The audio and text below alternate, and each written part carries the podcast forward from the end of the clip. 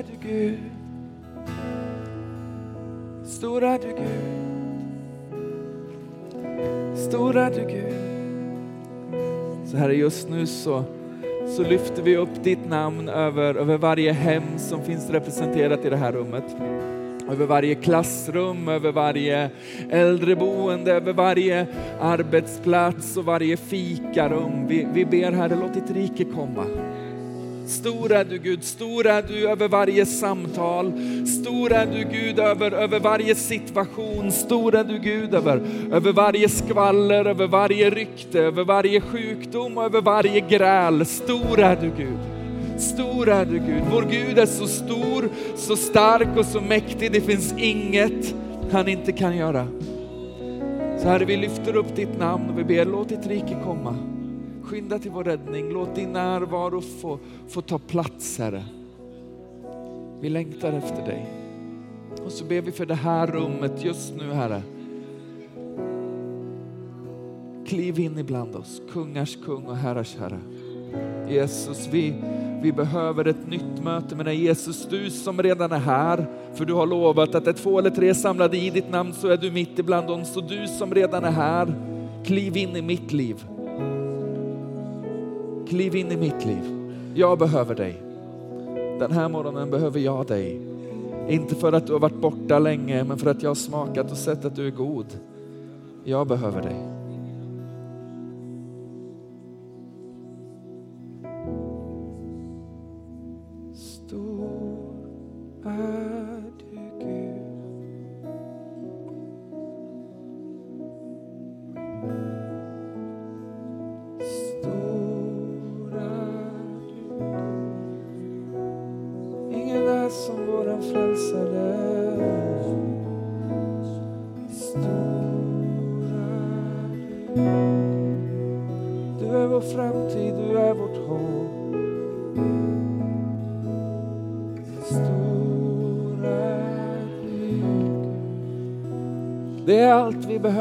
Veta om.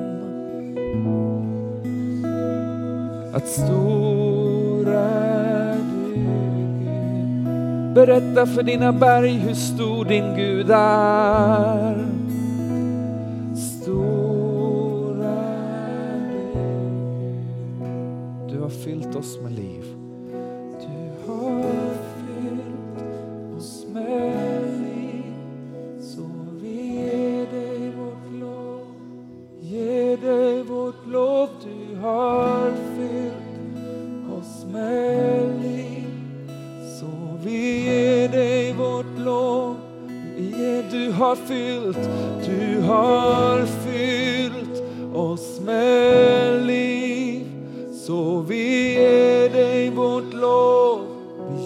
Vi dig vårt lov. Du har fyllt oss med liv.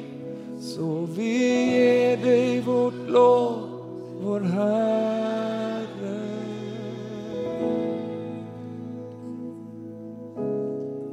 Och så ber vi Herre när vi rör oss in i predikan att ditt ord skulle få vara levande och verksamt. Herre, vi ber att du genom din heliga Ande skulle tala till oss. Tala ord av, av liv, tala ord av, av hopp. Vi ber att rädsla skulle fly, fly och att frid skulle få välla in. Att ditt rike skulle få, få ta plats i var och en av oss. I Jesu namn. Amen. Amen. Ska vi uppmuntra lovsångsteamet?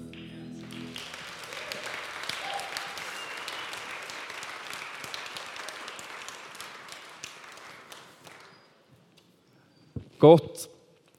Välkomna till Citykyrkan ni som har trillat in under lovsången. Jag heter Alfred. Jag är en av eh, pastorerna här. Jag är gift med Helen och pappa till Grace och Thea och Jona. Thea fyllde åtta år igår, så om ni ser henne här någonstans så stick till henne en 20. Bra. Går det bra med fastan? I, I fredags så drabbades jag av ett, av ett liksom så djupt, djupt sug efter saltgurka. Väldigt märklig upplevelse. Det var någon som frågade mig om jag var gravid. Det var på den nivån. Det var liksom...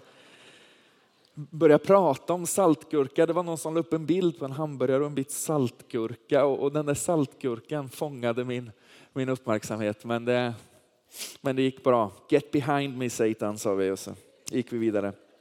Bra, vi är inne i, i andra veckan, eller vi ska är på väg in i andra veckan av, av våran bön och fasta och vi har satt rubriker över, över varje vecka. Första veckan så, så var rubriken för, för allt som vi bad, eh, Vår Fader, du som är i himlen, helgat vare ditt namn. Ditt namn är heligt. Och så påminner vi oss själva om, om några av Guds namn. Ni vet att i Bibeln så finns det massa liksom namn på Gud som, som ger oss en, en facett av, av vem han är. Det är inte helheten av vem han är, men det är att säga han är så här också.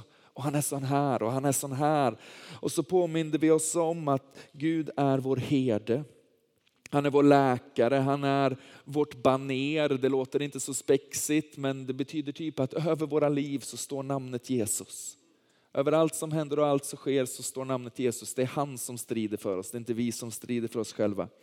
Han är vår rättfärdighet och han är alltid närvarande.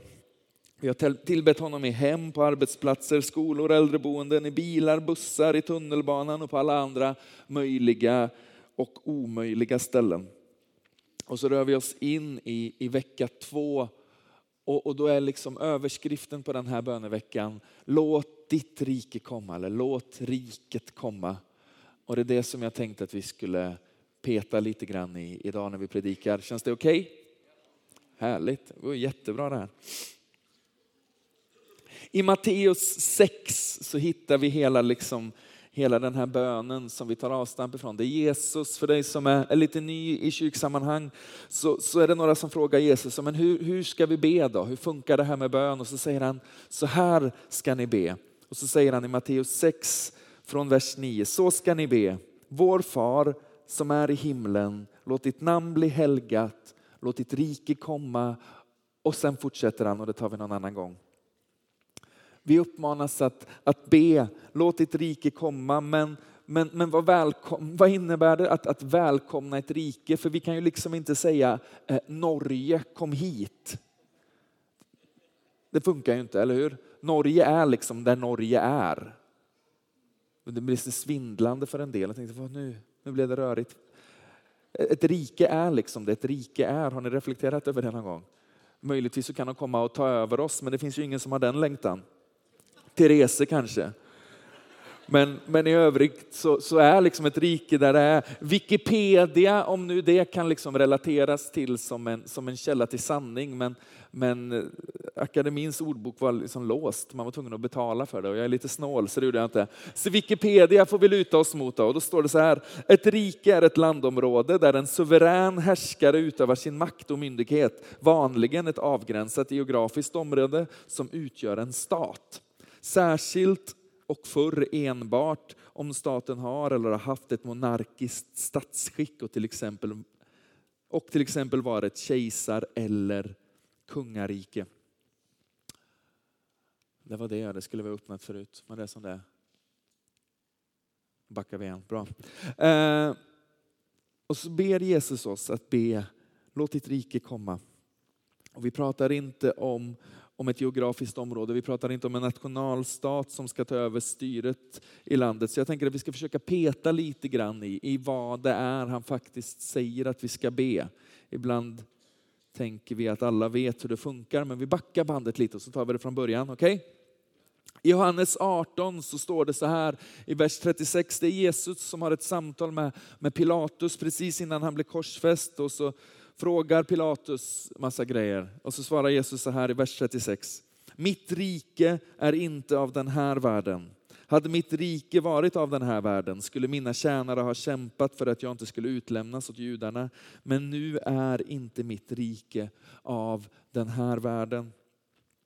Så det första, vi liksom, det första vi lär oss, det första vi tar med oss, att, att Guds rike, det riket som vi ber komma, det är inte liksom ett geografiskt område som vi säger, kan inte ni komma och, och styra över oss också? Att be låt ditt rike komma, det är liksom inte bönen om att eh, om att vi ska liksom byta ut färgerna i flaggan från blågult till blåvitt. Det handlar inte om eh, IFK Göteborg såklart, om det var någon som undrade vad jag syftar på. Utan, utan Jesus säger, mitt rike är inte av den här världen. Det är någonting annat än det som, som du och jag kan liksom skapa. Är vi med på det? Känns det okej? Okay? Det är ingen som har fått svindel än. Och så fortsätter samtalet och så säger Pilatus, du är alltså kung. Eftersom Jesus har sagt mitt rike. Så du är alltså kung.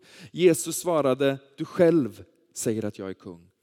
Därför är jag född och därför har jag kommit till världen för att vittna om sanningen. Var och en som är av sanningen lyssnar till min röst. Så samtalet mellan Jesus och Pilatus hjälper oss att, att liksom börja lägga ett pussel. Vi förstår att Guds rike inte är en geografisk plats, det är vi överens om.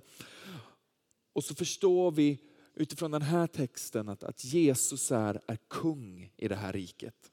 Okej? Okay? Är vi överens än så länge? Bra, härligt sitter kyrkan. Men det är fortfarande kanske lite oklart vad det är, liksom, vad är det vi gör när vi säger be ditt rike, låt ditt rike komma. Vi hittar nästa så här lilla ledtråd i Lukas 17. Från vers 20 om det är någon som vill faktachecka mig. Får man slå upp det nu?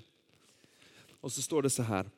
Då Jesus blev tillfrågad av fariseerna. Fariseerna i Bibeln var inga, var inga dåliga killar. De var bara människor som hade kört fast lite grann. De älskade Guds ord men hade liksom blivit lite för fixerade vid lagar och regler istället för personen bakom. Eh, men egentligen bra folk så. När, när då Jesus blev tillfrågad av fariseerna om när Guds rike skulle komma svarade han Guds rike kommer inte så att man kan se det med ögonen. Ingen ska kunna säga se, här är det, eller där är det. Nej, Guds rike är mitt ibland er. Och så tittar förmodligen fariseerna lite förvirrat på varann och lite förvirrat runt omkring sig och undrar var är det här riket som tydligen är mitt ibland er. Men det Jesus gör är att han, han pekar på sig själv. Alltså, kolla här. Guds rike är mitt ibland er. Guds rike är inte av den här världen. Det är platsen där, där jag är kung, där jag är. Där är Guds rike. Och så kan vi känna att det är ju lätt liksom att, att säga då. Liksom. För där var Guds rike. Men det fina är att om någon är en sån här Bibel 2000 människa så står det istället för mitt ibland er så står det Guds rike är inom er. För det ordet kan översättas på två sätt, eller den frasen kan översättas på två sätt. Så i det fallet så var Guds rike mitt ibland dem, förkroppsligat av Jesus. Men i vårt fall någonting som, som vi är eller kan få bli bärare av. Guds rike är inom oss. Okej? Okay? Är ni med mig än så länge? Och jag tänker att det är rätt goda nyheter för din arbetsplats, eller din familj eller ditt klassrum. Att Guds rike är, är inom dig. När vi ber på ett sätt i våra klassrum, Gud låt ditt rike komma. Så är det lika mycket en, be, en bön, Gud ge mig mod att vara salt och ljus. Gud ge mig mod att, att spegla dig, att reflektera dig, att hjälpa människor känna doften av dig långt innan de vet vem du är. Gud låt ditt rike komma. Sänd mig Herre. Okej? Okay? Men om Jesus är, är själva essensen av Guds rike, om han samtidigt lär oss att be att riket ska komma, hur ser det då ut i våra liv? Jag tänkte att vi ska använda en, en, en annan bibeltext som, som, en, som en bild på hur det kan se ut när vi ber den där bönen. Låt ditt rike komma. Det finns en, en berättelse i, i Matteus 14 där, där lärjungarna och Jesus har varit iväg och, och gjort sådana här grejer som, som Jesus gör. De har, har, har liksom talat till massorna och, och, och massorna har, har liksom fått, fått höra massa klokskaper och sen tar maten slut och, och, då hittar de lite bröd och lite fiskar och så bryter de det och så får alla äta. Ni kan läsa det där. Det är ju en eh, en ganska anmärkningsvärd berättelse som man kanske inte blir så förundrad över om man har gått i söndagsskolan länge tyvärr, men, men som är sådär, oj, hjälp vad Jesus kan göra, hjälp vad han förmår. Och så tar den berättelsen slut och så säger eh, Jesus till lärjungarna, åk över till andra sidan sjön, jag ska bara gå och be lite grann. Jag ska bara gå och fixa lite och så kommer jag efter och lärjungarna säger, vi sätter oss i båten, vi åker över och så sitter de där i båten och så börjar det liksom bli eh, mörkt, så börjar det bli natt eh, och så börjar det liksom storma och ha sig. Och så är det helt plötsligt inte liksom den där partystämningen som de upplevde för, för en liten stund sedan, utan de börjar känna att nu, nu håller det på att bli lite tokigt. I somras så när vi är i Vargön hos mina föräldrar på sommaren så, så, tycker vi om att åka båt. De har, min brorsa köpte en, en båt med inte en 50 hästars motor. Så åker vi ut och fiskar. Så var det en dag när det blåste lite grann. Men vi tänkte att vi kan nog göra en sista fisketur på säsongen. Så där. Vi åker ut och så, och så fiskar vi lite abborre. Och det, det, det, blåser lite men, men du vet, det var liksom inte storm på något sätt. Men, men, eh, men där mina föräldrar bor så, så Penneplanet heter det om man är i, det, vad är det, sub, det subkambriska penneplanet. Om man liksom går loss på sådana grejer så heter det så. Det betyder egentligen bara att det var berg och sen var det massa is som gjorde berget väldigt platt. Och nu är det massa väldigt platt berg kvar. Det är liksom den, den djupa innebörden av det. Och det här berget liksom sluttar långsamt ut i Vänern så att det är väldigt långgrunt och väldigt platt. Och i det så är det massa liksom kanaler och fåror, för det är liksom inte helt solitt. Och i de kanalerna så behöver man liksom trixa sig ut lite när man ska ut med båten ut i sjön. Och det där är kanske 150 meter eller något innan det är öppet vatten. Och det är rätt lätt att navigera ut i det där när det är liksom lugnt och fint. Eh, men, men vi upptäckte den här dagen att även om det är ganska små vågor som kommer inrullande, om det väldigt plötsligt blir väldigt grunt så blir vågorna väldigt höga.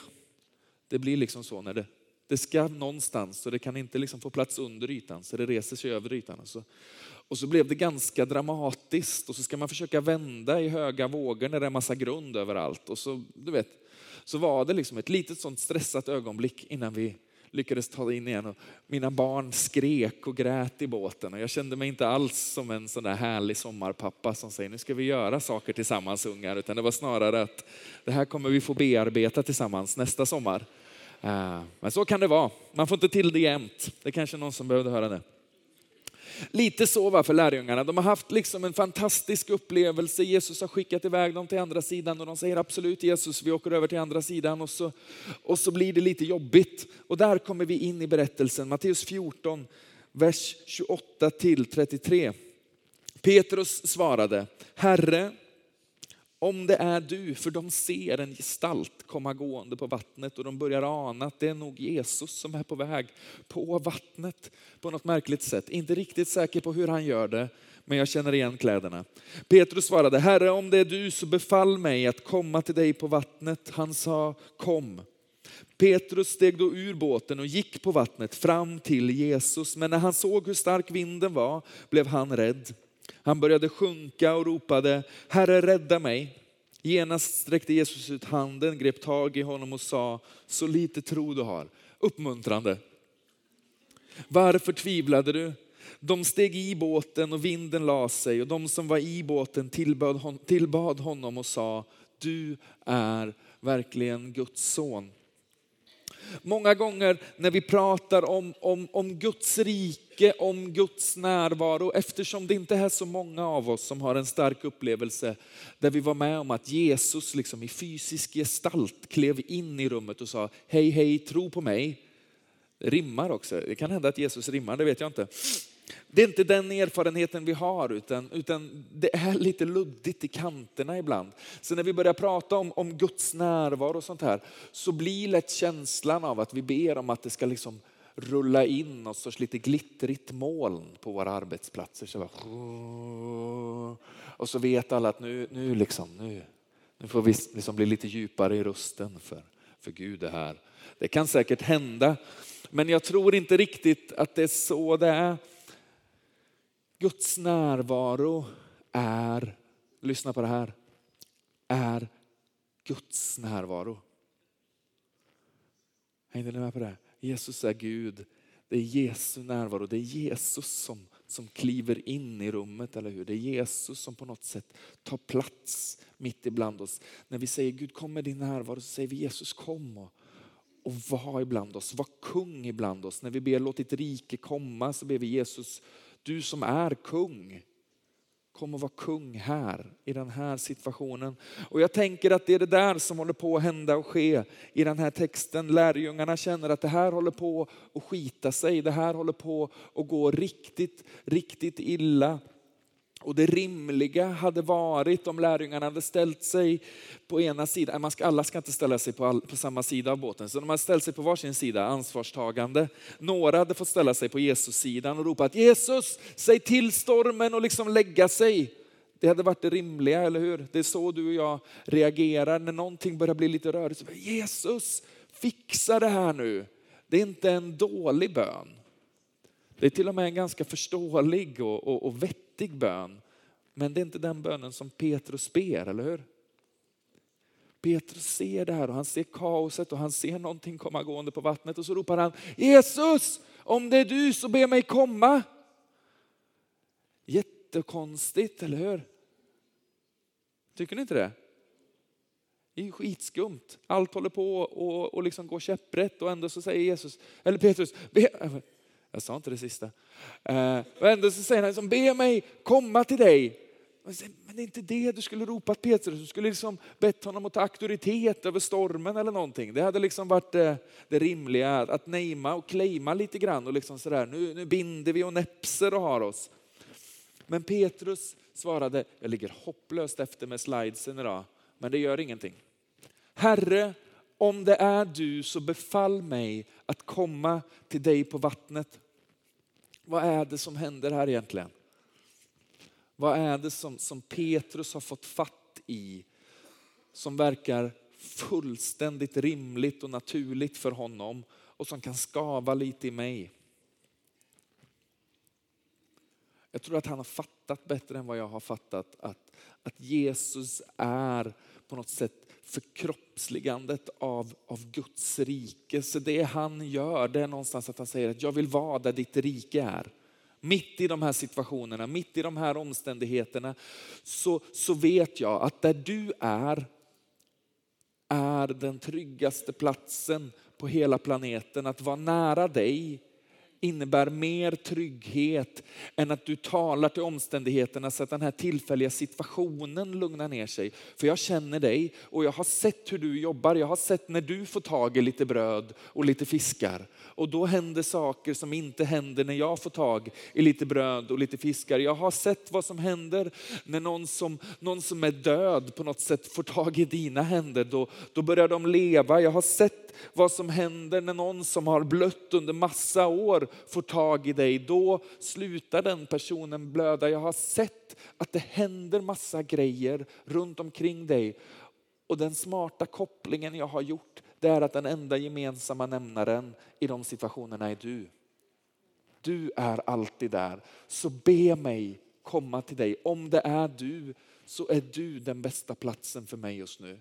Din närvaro är den bästa platsen för mig just nu. Inte den där känslan eller den där liksom molnidén, utan jag behöver vara nära dig Jesus just nu. Be mig komma till dig och så säger Jesus, kom. Kom.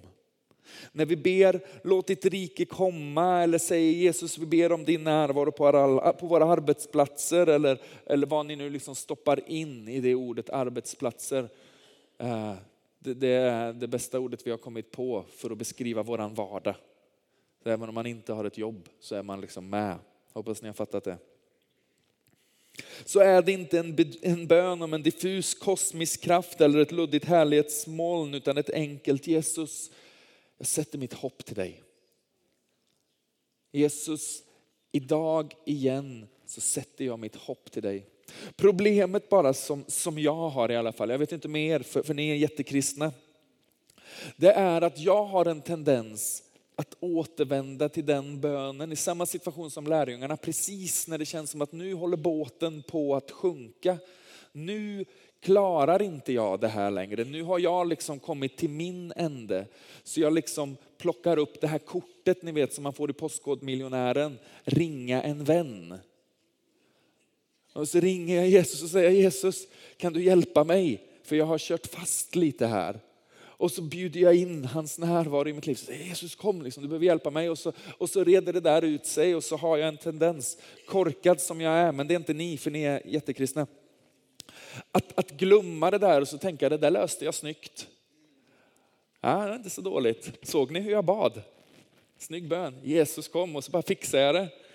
Vet, jag, sån är jag, men sån är inte ni. Och så, och så tuffar livet på liksom, som det gör. Och så kommer jag till nästa sån situation där, där det liksom känner att oj, nu blev det lite för mycket för mig. Det här fixar inte jag, det här klarar inte jag. Jesus kom! Och så löser det sig och så, och så kolla, såg ni hur snyggt jag redde ut det där? Jag bara bad en bön och så, och så löste det sig. Men jag tänker att det som vi, som vi gör nästa vecka och det som vi gör under hela fastan, det är att vi, vi lär oss själva. För ni kommer ihåg vad Paul sa förra veckan, det tar 21 dagar ungefär att forma en ny vana. Att liksom få in det i systemet, att göra det till en naturlig del av vår tillvaro. Så vi tar 21 dagar för att lära hela vårt system att det är liksom inte de här grejerna som vi kan ta och känna på som vi sätter vårt hopp till. Det är inte, det är inte att frysen är, är full, att kontot är fullt, att, att jag har en, liksom en tydlig liksom kalenderplan för, för vad jag ska göra under den här dagen och den här veckan. Jag, jag måste liksom inte ha fått ut den där grejen på Instagram eller hunnit scrolla igenom flödet på Facebook. Det är inte där som jag har mitt hopp. Det kan vara trevligt, det kan vara hjälpsamt och mat är toppen. Men men jag lär mig själv, jag lär hela mitt system att det jag vänder min blick mot och det jag först sätter mitt hopp till, det är Jesus. Eller hur? För vi har så lätt att leva våra liv som det där ringa en vän-kortet kristna. Jag slänger fram det liksom när det verkligen stormar, när det verkligen blir kaos och sen så lever jag på som att allt liksom är som vanligt. Men det finns en inbjudan under bönen och fastan att, att lära oss själva att leva med ett ständigt kom ringandes i våra öron. Med ett kom ljudandes över våra läppar. Insikten om att han kallar oss till sig och, och vi välkomnar honom in i våra liv. Låt ditt rike komma Jesus, jag, jag behöver dig. Inte bara när det stormar, inte bara när det är kaos. Det är toppen för min del.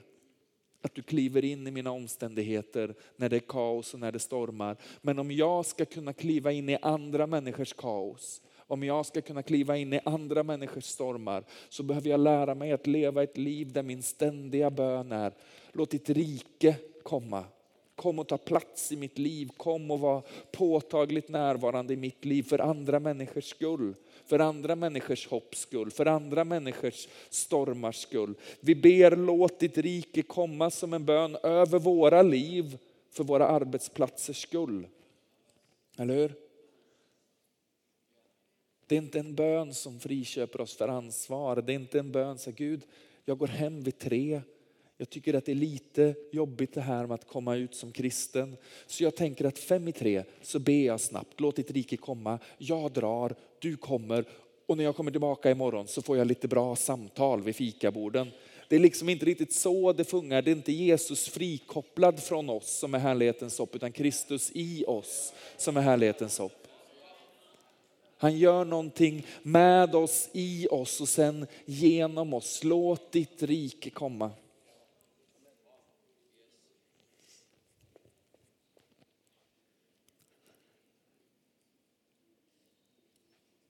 Jag tänker att poängen är inte att du ska stå på en stol i ditt klassrum och be tungor mitt under pågående lektion för att du liksom upplever att det är andlig förvirring här inne.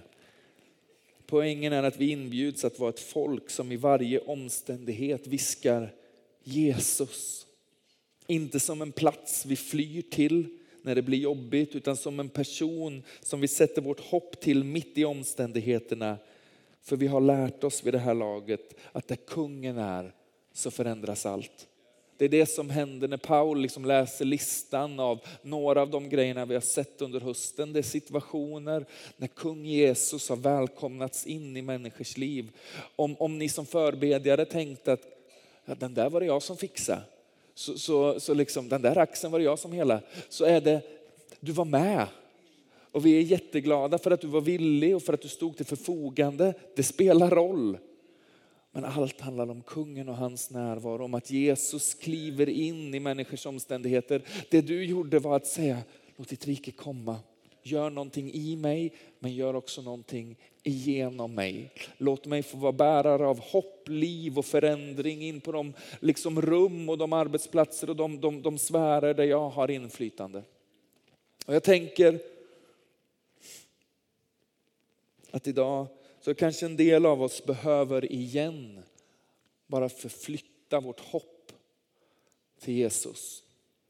För det finns en skillnad på att, på att tro på Jesus och på att ha sitt hopp satt till Jesus. Sitt evighetshopp, det, det tvivlar jag inte på att du har satt till Jesus. Den, den liksom vissheten om att Jesus, du, du, du är den som är min frälsning. Det är inte den grejen. Men mitt hopp i varje omständighet och mitt hopp om att han genom mig kan förändra saker och ting. Den grejen. Vi har glömt bort att liksom leva. Och det här är inget märkligt, för här befinner vi oss hela tiden. Det här är inget misslyckande, för det här har vi en tendens att halka in i.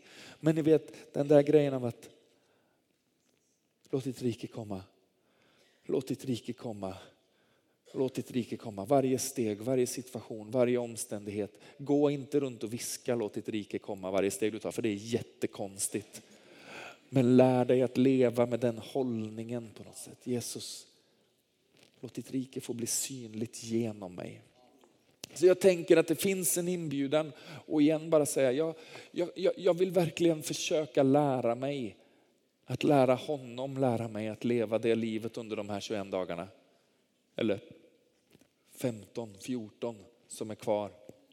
Med lite nåd på det så kan man nog forma en ny vana på 15 dagar också. Jag tror att det är, det är som en boost.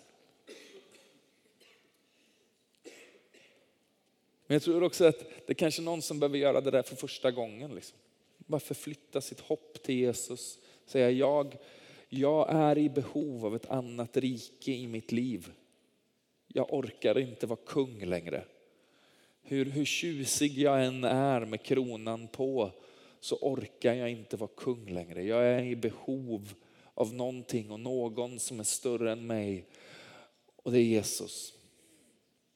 Låta någon annan på något sätt få kliva in i dina omständigheter och bli ditt hopp, bli din frid, bli din läkedom, bli din upprättelse. Men så finns det de där som, som är precis som Petrus, som har varit ivriga snabbt ur båten, som har fattat det där med att allt handlar om Jesus, men, men som precis som det är ibland har fått ganska mycket stryk av livet. Och det går bra och det går bra och det går bra och det går bra och sen går det inte längre. Och så flyttar vi blicken från Jesu blick till vinden och vågorna runt omkring oss, från omständigheterna runt omkring oss, så känner vi hur vi långsamt håller på att sjunka och så är det någonting bak i reptilhjärnan som tänker att jag kanske kan simma mig själv ur den här situationen. Jag kanske kan, kanske kan lösa det här, jag kanske hinner till båten innan liksom kläderna har blivit för tunga och drar ner mig. Så finns det någonting bara i oss att, att svälja stoltheten och igen bli någon som ropar Herre fräls mig. Herre rädda mig, jag håller på att sjunka, jag håller på att förgås. Det var toppen, nu är det inte så toppen och jag behöver dig igen. Hjälp mig att flytta tillbaka mitt fokus och min blick till dig. Ta min hand och lyft mig. Och jag tror att Gud bara vill på något sätt igen idag bjuda in oss att göra den där resan som inte är en resa liksom tusen mil till något liksom märkligt ashram någonstans i Indien för att finna hopp och mening utan som snarare bara är ett lyftande av blicken från det där som jag fastnade i tillbaka in i Jesu ögon och säga Jesus jag behöver dig. i varje omständighet, i varje situation, i det som händer och sker just nu. Och på grund av det som händer och sker runt omkring mig just nu så behöver jag dig. Inte bara sen i himlen som ett kvitto liksom, eller som en belöning på att jag sa ja när jag var 14. Utan för att jag längtar efter att få se ditt rike bryta fram i mitt liv och genom mitt liv. Jag vill vara till välsignelse, jag vill vara till, till hopp och förändring. Så Herre hjälp. Vad är det han säger? Genast räckte Jesus, han säger Herre rädda mig. Genast sträckte Jesus ut handen och grep tag i honom och sa så lite tro du har, varför tvivlade du? Det lustiga här är att, att tvivlet består bara i att Petrus har tagit blicken från Jesus. Det är inga liksom omvälvande uttalanden han gjort. Det är inte liksom att han har komplicerat sin teologi och liksom gjort livet väldigt snurrigt och avancerat. Han har bara långsamt låtit blicken dala och fastna på fel saker. Jag förtvivlade. Se på mig.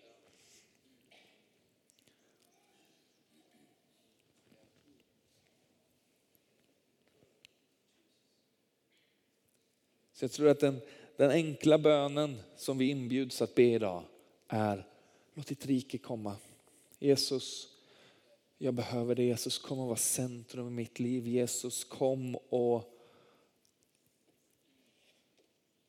och manifestera din närvaro i mig. Jag behöver dig med mig. För ni vet att från hans sida så är det ganska glasklart. Och se jag är med er alla dagar in till tidens slut. Han är inte nödbedd eller svårflörtad. Det här är liksom ingen förhandling som i regeringen när vi ska kohandla liksom och, och ge och ta. Utan det är bara att vi behöver någonstans igenkänna och fatta sanningen om vem han är. Han är med mig alla dagar. Gud hjälp mig att leva som att jag fattar det. Hjälp mig att leva med blicken fäst på dig. Låt riket komma. Låt kungen få kliva in i mitt liv. Okej? Okay?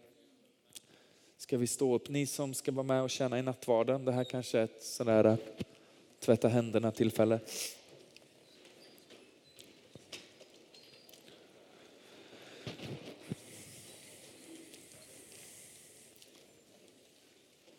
Står upp och så tar vi något ögonblick innan vi, vi lämnar över, över firande till Paul.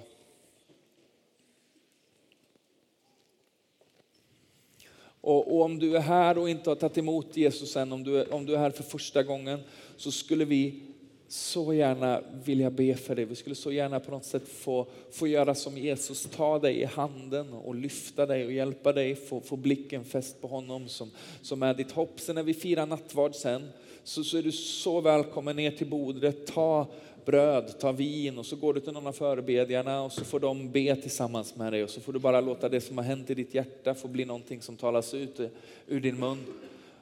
Men nu tar vi bara några sekunder och så ber vi. Om du känner att du ingår i någon av de här kategorierna som jag liksom målade upp så, så vill vi också jättegärna be för dig. Vi kommer ha massa kunskapens ord och grejer sen som vi, som vi delar. Men jag tror det är viktiga grejer. Så vi ber. Herre, vi ber, låt, vi ber dig, låt ditt rike komma. Kung Jesus, du som alltid är med oss, du som aldrig har lämnat oss eller övergivit oss. Kom, jag behöver dig, inte runt omkring mitt liv, utan som, som centrum av mitt liv, som, som fokus för mitt blickfång. Varje gång jag har förflyttat dig ut i periferin så behöver jag be låt ditt rike komma. Kom och bli centrum för allt jag är och allt jag gör.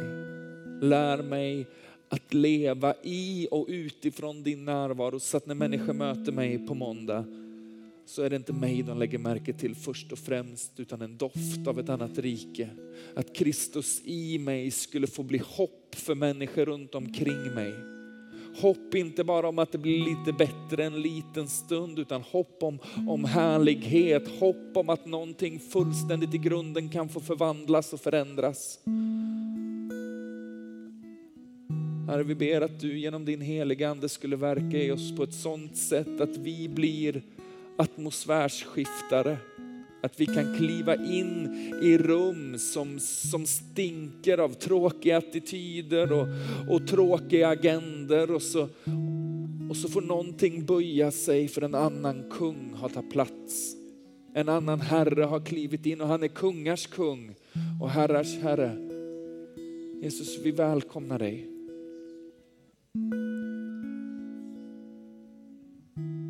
Vi behöver dig.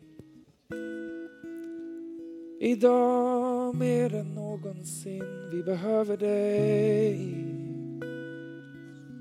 Vi längtar efter mer, vi längtar efter mer. Oh.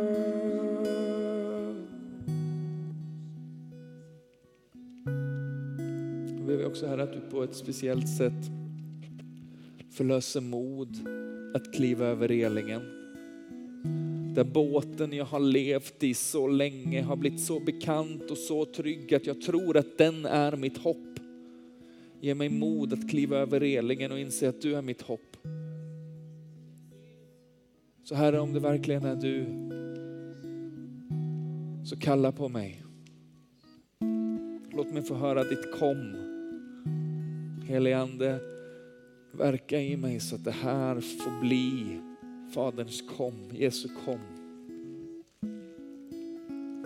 I Jesu namn. Vi kan sätta oss en liten stund, förbli i Guds närvaro och så rör vi oss in i, i nattvarden och så, så öppnar vi upp förbönsplatsen om en stund.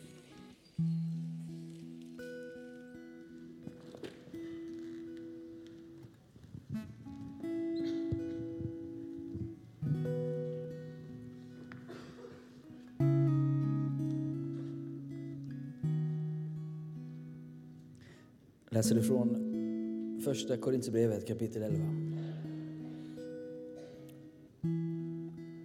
Att den, eh, Paulus säger att jag själv tagit emot ifrån Herren vad jag har fört vidare till er.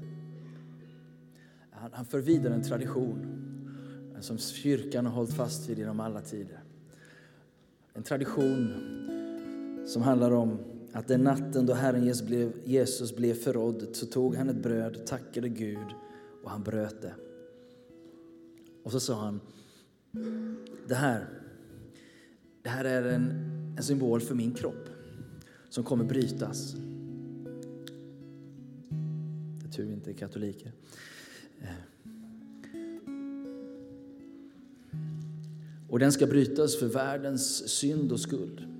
Min kropp, säger Jesus, ska brytas för att din kropp och ditt liv ska bli helt. På samma sätt tog han bägaren efter måltiden och sa Denna bägare är det nya förbundet i mitt blod och så ofta ni dricker av det ska ni göra det för att minnas mig. Så ofta ni äter av detta bröd och dricker denna bägare så förkunnar ni Herrens död till dess han kommer. Det är den traditionen som Paulus lämnar över till församlingen och som vi kommer tillbaka för att påminna oss om essensen, kärnan av vår tro på Jesus. Att han dog vår död, uppstod till liv igen på den tredje dagen. Och därför så finns det hopp idag för oss alla här inne. I alla brutna situationer, i alla brutna relationer så finns det hopp. Allt det som är trasigt kan bli helt. Allt det som är stormigt kan vi få bjuda in Jesus och kanske till och med innan stormen har lagt sig få uppleva frid. Han kan hantera stormen också. Men hans närvaro är viktigare än att omständigheterna lägger sig just nu. Jag vill påminna om ett bibelord till, jag ska inte predika igen här, men jag, jag vill påminna om det här. Från Filipperbrevet kapitel 3, vers 12. För oss alla som har kanske vuxit upp i kyrkan, eller vandrat med Gud ett tag, så vill jag påminna Paulus hållning. Han säger så här i kapitel 3, vers 12. Inte så att jag redan har gripit det, eller redan har nått målet, men jag jagar efter att gripa det, eftersom jag själv är gripen av Kristus Jesus. Och nu pratar vi om Paulus och han hade ett och annat på plats. i sin vandring med Gud. Men likväl så säger han, jag har ännu inte gripit det. Det måste finnas mer av det här riket, av det som Jesus har lovat oss. Det här kan inte vara, utan det måste finnas med. Och varför sträcker han sig efter det? Jo, därför att han själv har blivit gripen av Kristus. Så jag tänker idag, när vi kommer till nattvarden, så ska vi be att Jesus får gripa våra hjärtan igen. Så att vi får leva gripna. För när vi går till våra arbetsplatser och vi är gripna av Kristus, det blir skillnad hur vi hanterar våra arbetsplatser då. För då inser vi att det finns mer och det finns ett annat rike, en annan påverkan. Är ni med? Så idag påminner vi oss om vad han har gjort för oss och vi låter honom gripa oss igen. Så när du tar emot brödet idag så tar du emot Kristus igen och det han har gjort för dig. När du tar del av nattvardsvin så tar du igen del av det blod som renade dig och som renar dig och som är förankringen för dig i Guds goda förbund och pakt med dig. Att han aldrig någonsin kommer svika dig, aldrig någonsin lämna dig. Alltid är god och kan göra allt trasigt helt. Nattvardskännare, vill ni ta och gruppera er, formera er. Så gör vi så här idag.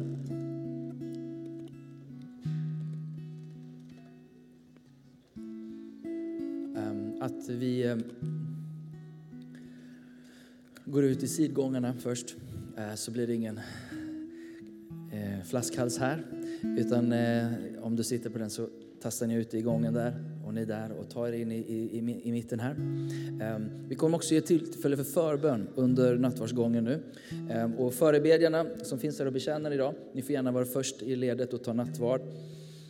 Vi har också några speciella saker som ni har bett för och som vi tror Gud vill gripa in i situationer. Det är en ensam person Eh, som kanske finns här idag och som har gett Gud sista chansen på något sätt.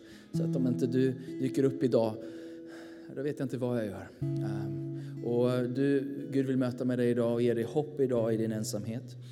Det finns någon med eh, njursvikt som Gud vill hela. Så har du den diagnosen och du vet det, så vill Jesus hela dig idag. Och, och som vi läste innan här, det, var, det är många som har blivit helade tacksamma. Vi kan inte lova något, vi har inte garantier för våra böner är så fantastiskt präktiga. Men vi vet att Jesus, han helar idag. Och han har sagt att vi ska be för den som är sjuk. Så vi bjuder fram dig och tror tillsammans med dig. Um, smärta i höger ben. Har du ont någonstans i höger ben så vill Jesus hela dig idag. Um, det finns kanske någon som har en Eh, hjärninfarkt eller annat hjärna, i hjärnan, alltså en stroke eller någonting som har hänt sistone här. Gud vill gripa in, det kanske är en släkting. Kom fram och, och be gärna, så tror vi Gud tillsammans med dig in i den hopplösa eller jobbiga situationen. Sist också här, torsdag, cancerbesked. Och det som står här, det beskedet ska vändas till helande. Det är någon som har fått ett allvarligt besked i torsdags här. Du eller någon släkting så vill vi be för dig och tillsammans med dig. Tro Gud att han ska stiga in som Herre din läkare. När du sen går fram här och tagit emot nattvard och nattvard, äh, bröd och, och vin och låter han gripa dig. Så den här kartan som jag har fram, äh, eh, till min vänstra sida här, den representerar ju platser där vi ber för i veckorna. Och nu du rör dig här i kyrkan och tagit nattvarden så får du gärna sätta dit din plats där du ber Eh, i, i din vardag, var du än är. Så har du inte satt en svart indikation där, så gör det. Så ser vi hur vi ber tillsammans. Låt oss be nu innan vi förbereder våra hjärtan och kommer inför Herren. Vi tackar dig Fader. Vi tackar dig Sonen och vi tackar dig helig Ande. Att vi får komma till ett dukat bord idag. Att vi kommer inte på egna meriter utan vi kommer på grund av Jesus Kristus. Att du har gjort allt klart. Tack att du idag renar oss från all orättfärdighet. Och du som behöver bekänna dina synder inför Gud, du gör det just nu. Och när du bekänner dina synder så säger Bibeln att han är trofast och rättfärdig. Att han renar dig och helar dig från all orättfärdighet. Och ditt samvete kan vara fritt, fritt och förlåtet och du får komma och ta emot.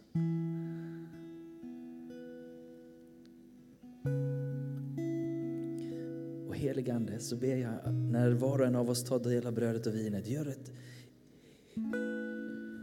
ingrepp i våra liv. Sätt våra hjärtan i brand. Låt Kristus få gripa våra hjärtan. Låt oss få leva gripna så att vi kan sträva efter målet. Inte som att vi redan har nått det, men att vi faktiskt kan få se mer av dig och att det ska få bära ända in i himmelen, det slutgiltiga målet, att få se dig ansikte mot ansikte. I Jesu namn ber jag. Amen. Så du får gärna stå upp under tiden om du vill eh, och så tillber vi. Förebedjare kommer ni fram och, och tar nattvard först och sen så går vi ut i sidogångarna och tar oss tillbaka i mittgången så flödar vi på. Och ni som vill ha förbön efter nattvarden, varsågoda. Om det finns annat som du vill ha förbön för eller bara be, någon ska be för dig och välsigna dig så är vi gärna med och ber för dig uh, också naturligtvis. Varsågoda.